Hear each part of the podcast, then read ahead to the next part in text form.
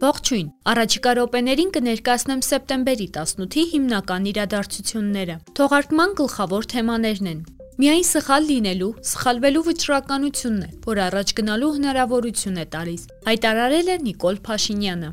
Արյունաբանական կենտրոնի տնօրենի աշխատանքային պայմանագիրը կերկարացվի։ Իմ քայլի падգամավոր Արմեն Փամբուղչյանը վայր է դնում մանդատը։ Սան Ֆրանցիսկոյի հայկական եկեղեցու օժանդակ կառույցը հրկիզվել է։ Կորոնավիրուսի իրավիճակը Հայաստանում եւ Արցախում։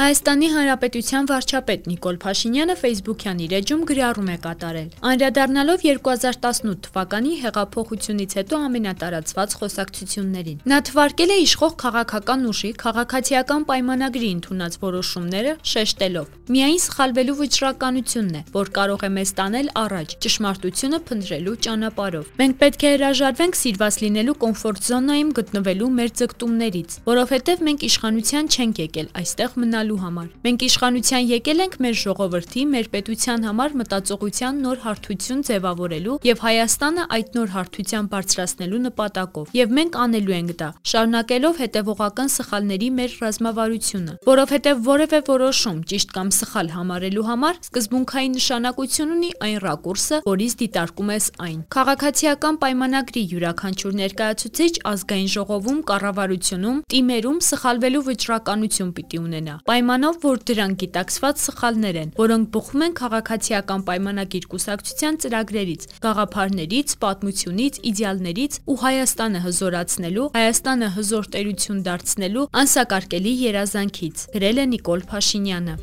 Յոլյանի անվան արյունաբանական կենտրոնի տնորենի աշխատանքային պայմանագիրը կերկարացվի։ Այս մասին Facebook-յան իր էջում գրել է վարչապետ Նիկոլ Փաշինյանը նշելով, որ պայմանագիրը երկարացնելու հանձնարարություն է տվել առողջապահության նախարարին։ Չթաքցնեմ, տարակուսած եմ, որ այս պատմության ընթացքում որոշ բժիշկների կողմից թեկուզ ոչ ուղակի սպառնալիք է հնչել հիվանդ երեխաներին թողնել առանց խնամքի։ Եթե նրանք երեխաներին բուժում են այնպես, ինչպես խոսում են, մտածելու շատ լուրջ բան ունենք, գրել է վարչապետը վարչապետը։ Գրեթե նույն ժամանակահատվածում գրառում է կատարել նաև վարչապետի տիկին Աննա Հակոբյանը, տեղեկացնելով, որ դադարեցնում է ժպիտների քաղաք բարեգործական հիմնադրամի հոգաբարձուների խորհրդի նախագահի լիազորությունները։ Իմ քայլը խմբակցության падգամավոր Արմեն Փամբողչյանը հայտարարել է падգամավորական մանդատը վայր դնելու մասին։ Ուզում եմ նշել, որ իմ ցանկությամբ եւ քաղաքական թիմի համաձայնությամբ պետական ծառայությունը շարունակելու եմ գործադիրում, նշել է նա։ Վերջերս մանդատը վայր դնելու մասին հայտնել էր իմ քայլի մեկ այլ падգամավոր Արսեն Ջուլֆալակյանը։ Իր որոշումը նա հիմնավորել էր կրթության, գիտության, մշակույթի եւ սպորտի նախարար Արայիկ Հարությունյանի հետ ունեցած անհամաձայնություններով։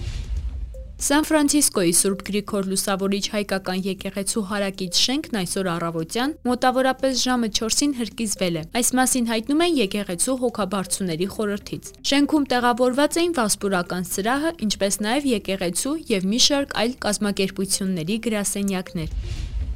Հայաստանում սեպտեմբերի 18-ի դրությամբ հաստատվել է կորոնավիրուսի 239 նոր դեպք։ 138 մարդ առողջացել է, մահացել է 1 մարդ։ Բացասական թեստերի թիվը 3530 է։ Դրական է կատարված թեստերի 6.3%-ը։ Արցախի առողջապահության նախարարության փոխանցած տեղեկատվության համաձայն հանրապետությունում հաստատվել է նոր կորոնավիրուսային վարակի 3 նոր դեպք։